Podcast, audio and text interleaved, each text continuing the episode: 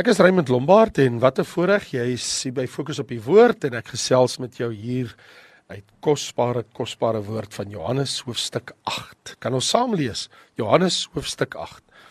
Maar Jesus het na die Olyfberg gegaan en vroeg in die môre het hy weer in die tempel gegaan en al die mense het na hom gekom en hy het gaan sit en hulle geleer. En die skrifgeleerdes en die fariseërs het 'n vrou wat in egbreek betrap was na hom gebring. En toe hulle haar tussen in laat staan, sê hulle vir hom: "Meester, hierdie vrou is op 'n daad van egbreek betrap. En Moses het ons in die wet bevel gegee om sulke vroue te stenig. Maar u, wat sê u?" En dit het hulle gesê om hom te versoek, omdat hulle iets kon hê om hom van te beskuldig. Maar Jesus het neergebuk en met die vinger op die grond geskrywe. Maar toe hulle aanhou om vir hom te vra, het hy hom opgerig en vir hulle gesê: "Laat die een van julle wat sonder sonde is, die eerste 'n klip op haar gooi. En weer het hy neergebuk en op die grond geskrywe. En toe hulle dit hoor, het hulle deur hulle gewete bestraf, een vir een weggegaan, van die oudste af tot die laaste toe. En Jesus het alleen agtergebly en die vrou wat daar tussen hulle in gestaan het. En toe Jesus hom oprig en niemand sien behalwe die vrou nie, sê hy vir haar: "Vrou, waar is daardie beskuldigers van jou?" het niemand jou veroordeel nie? En sy antwoord: Niemand nie, Here. En Jesus sê vir haar: Ek veroordeel jou ook nie. Gaan heen en sondig nie meer nie. Ek praat met jou nou oor die sondares onder die wet, maar ook die sondares onder genade. Nou dat ons hierdie gedeelte gelees het, dit is tog baie baie duidelik uit God se woord dat die konteks van hierdie gebeure, as jy die vorige verse lees voor hoofstuk 8, ons het mos nog gekom aan die einde van die loofhuttefees. Ons het sopas aan die einde van daai heerlike fees gekom. Jesus gebruik toe sommer die geleentheid om aan al die pelgrimsreisigers wat saamgekom het, die woord te bedien. Daar sommer by die hof van die vroue in die binneplein by die tempel waar hy met baie mense kon spreek. En so ons kan baie duidelik sien ook uit die gebeure wat hier plaasvind dat Jesus en dit staan dan nou ook so dat Jesus het met die Jode gespreek en met almal wat daar was en met die pelgrims. En nou vind ek hier in vers 2 van Johannes hoofstuk 8 en vroeg in die môre het hy weer in die tempel gegaan en al die mense het na hom gekom en hy het gaan sit en geleer. Daai plek was genoem die hof van die vroue. Dis 'n area waar pelgrimsreisigers toegelaat was om by die tempel te kom staan en naby die tempel te wees en daar hulle besigheid te doen of om te kom om die Here te kom dien of vriende te ontmoet of hulle offers te bring en na die priesters se kant toe te kom. So die skrifgeleerdes en die fariseërs, hulle het baie goed geweet dat hulle Jesus daar sou vind. En hulle kom nou met slegte bedoelings na Jesus toe. Hulle het bose planne uitgewerk om Jesus vas te trek en hom in 'n struikval in te lei. Want ons lees vers 3 sê en die skrifgeleerdes en die fariseërs het 'n vrou wat in egbreek betrap was na hom gebring.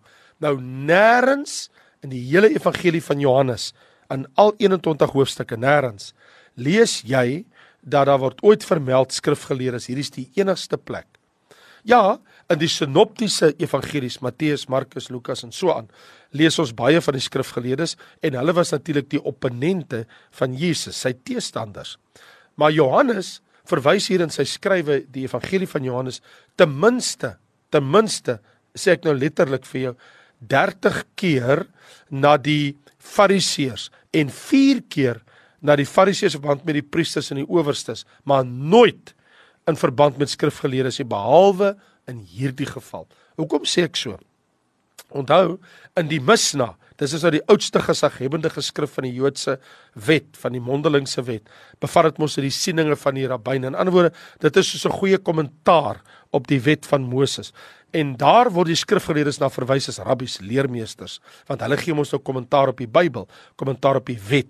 So wat jy hier sien is die mense wat die wet die beste ken die skrifgeleerdes, die topgeleerdes in die skrif, saam met die fariseërs beplan om Jesus te betrap op die oortreding van die wet sodat hulle hom sou kon aankla by die Sanhedrin wat die hoogste geestelike raad in Israel was. So nou lees ons in vers 4 en 5.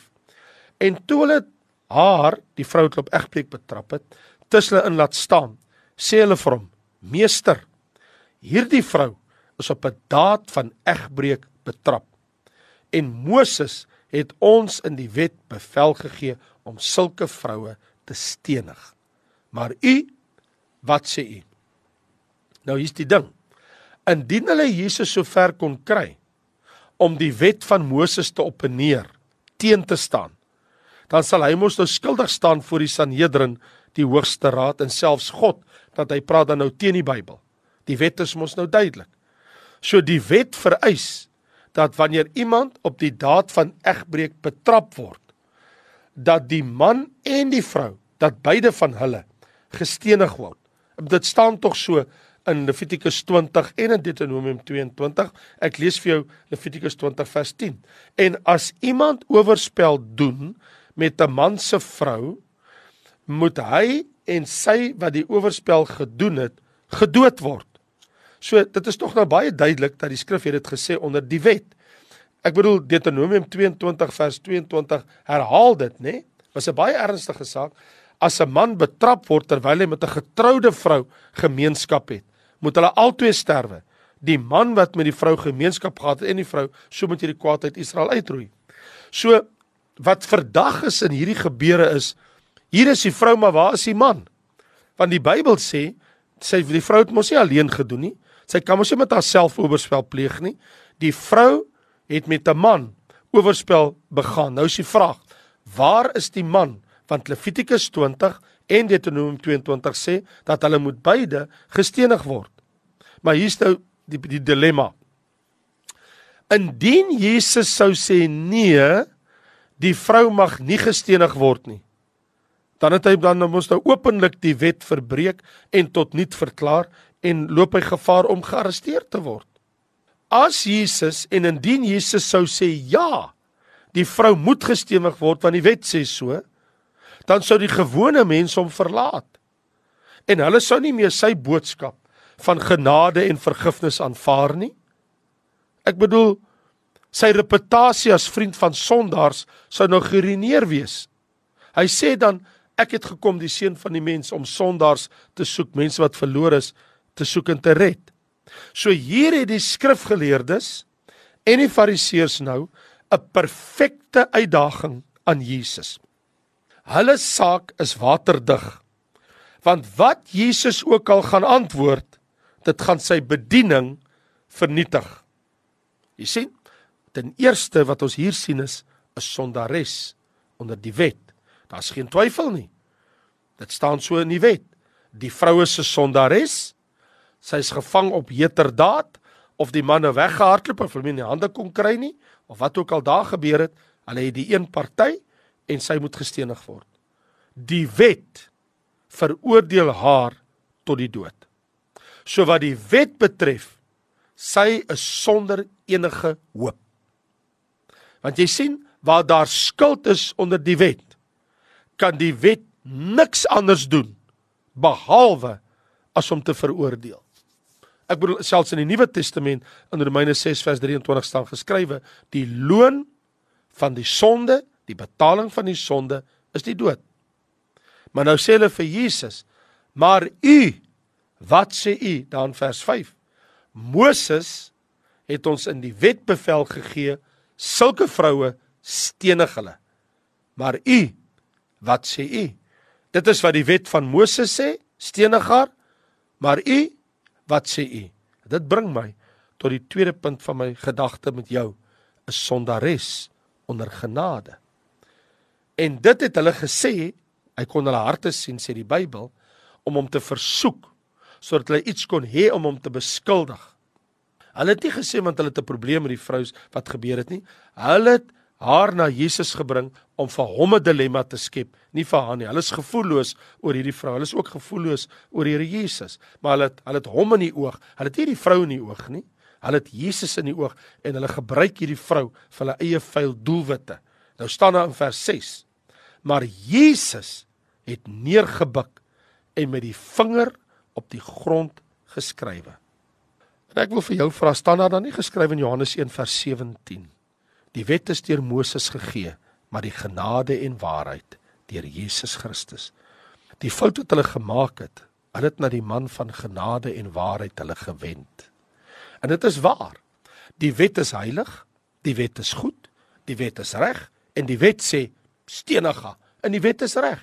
Dis die wet van Moses, dis die wet van God. Maar u wat sê u? Kan u waag om te sê lewe terwyl die wet sê sterwe? Onthou, die wet sê sy moet sterwe. Maar u wat sê u? Vriende, ek lees die Bybel sê Jesus het neergebuk en met die vinger op die grond geskrywe. Maar toe hulle aanhou om hom te vra, het hy hom opgerig. Nou hier is 'n baie belangrike ding wat hier gebeur. As antwoord, want die wet sê stenig hierdie vrou. Wat sê u? Onthou, as Jesus sê ja, kom ons doen wat die wet sê, gaan hy sy reputasie verloor. Hy gaan sy aansien onder die sondaars verloor en niemand sal meer met hom iets te doen wil hê nie, want hoe kan hy so 'n ding goed praat? As antwoord het Jesus neergebuk en op die grond met sy vinger geskrywe. Nou wil ek bysê dat sommige Griekse manuskripte het dit eintlik dat Jesus ontstel hom nie hoegenaamd met hulle nie. Hy reageer asof hy hulle nie gehoor het nie. Asof hy hulle nie sien nie. Ander woorde, hierdie handeling, daar staan, maar Jesus het op die grond neergebuk en met die vinger geskrywe. Ander woorde, Jesus, hierdie handeling toon aan ons en ek wil terloops net vir julle sê, nêrens in jou Bybel sal jy ooit dit vind dat jy hierdie gelyke gaan kry nie. Want dan die die Griekse gereer, hy tree op asof hy niks hoor en sien nie. Dis asof hierdie vrou nie voor hom bestaan nie. Asof hierdie skrifgeleerdes en fariseërs hulle glad nie sien nie. En natuurlik, hulle is nou so opgewend soos 'n soos 'n top wat wil spin. Ontevrede daarmee dring die skrifgeleerdes en fariseërs op aan. Jesus moet hulle antwoord. Wat sê u? En die Bybel sê, hulle het aangehou. Jesus sê niks. Hy sit en skryf op die grond, hy staan en hy buig en hy's nou neergebuk en hulle hou aan. Die Bybel sê hulle het aangehou. Nou moet ek gou vir jou sê, alhoewel Jesus niks sê nie, doen Jesus iets. Hy skrywe met sy vinger op die grond. Hy skrywe nie met 'n stok nie. Hy skrywe nie met 'n skerp klip nie. Hy skrywe met sy eie vinger het hy hulle probeer herinner dat die 10 gebooie die wet wat hierdie vrou skuldig verklaar was oorspronklik geskrywe op twee kliptafels met die vinger van God die God van die berg Sinai lees ons in Eksodus 31 vers 18 het met sy eie vinger op die twee kliptafels die 10 woorde van die gebod neergeskrywe. En hier skrywe Jahwe die seun van God weer eens. En hy skryf op die grond waar jy dit kan uitvee. Die een wat op die klip geskryf het op die berg Sinai is dieselfde God wat nou hier op die grond skrywe. Dat hy God is. Sy vingers skrywe. Herinner hy hulle nie dalk miskien in Jeremia hoofstuk 17 die 13de vers is 'n absolute aangrypende woord wat uitgespreek is. Daar staan in Jeremia 17 vers 13 in hulle profeteboek: O Here, verwagting van Israel, almal wat U verlaat sal beskaamd staan. Wie van my afwyk sal op die aarde geskryf word want hulle het die Here die fontein van lewende water verlaat. In die vorige hoofstuk het hy gesê hy gee as iemand dors het, hy sê kom na my toe ek sal vir julle water gee.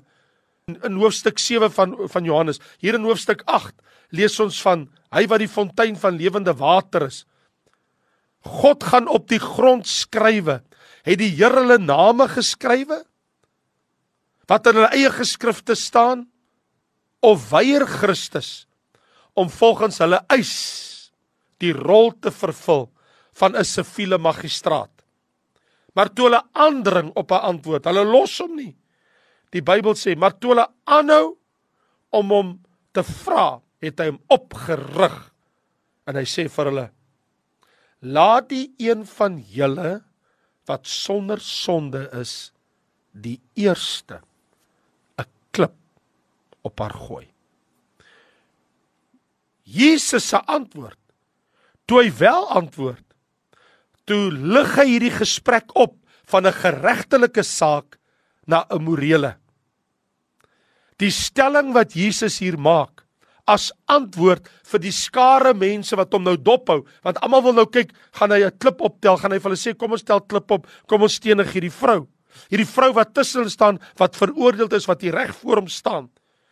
As antwoord maak Jesus dat hierdie geregtelike saak want die wet van Moses sê stenig gaan. Maak hy 'n morele saak. Want dit gaan nie in hierdie geval of die wet van Moses staan of val nie.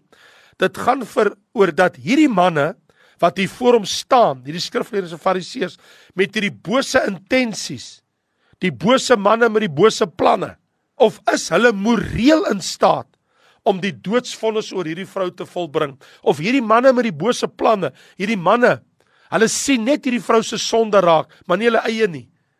Hoe hulle Jesus wil probeer vastrek en hier voor die heilige seun van God kan hulle gewete deur hulle gewete aanspreek. Hulle gewete slaap nie meer nie. Laat die een van julle wat sonder sondes die eerste 'n klip op haar gooi. In vers 9 sê En toe hulle dit hoor, het hulle deur hulle gewete bestraf, een vir een weggegaan, van die oudste af tot die laaste toe. En Jesus het alleen agtergebly en die vrou wat daar tussen hulle in gestaan het. Hulle gewete brand in hulle. Elkeen van hulle onthou hulle eie sonde. Lees hulle dit op die grond, skryf hulle dit op die grond skryf dit die vinger van God wat die wet geskryf het, hulle name op die grond, hulle oortredinge. Ek betwyfel dit dat ons sal nooit hierdie kant van die graf presies weet wat Jesus geskryf het nie. Maar een ding is verseker, die Bybel sê, deur hulle gewete oortuig, het hulle die gees van die wet wat groter is as die letter van die wet, is hulle aangespreek.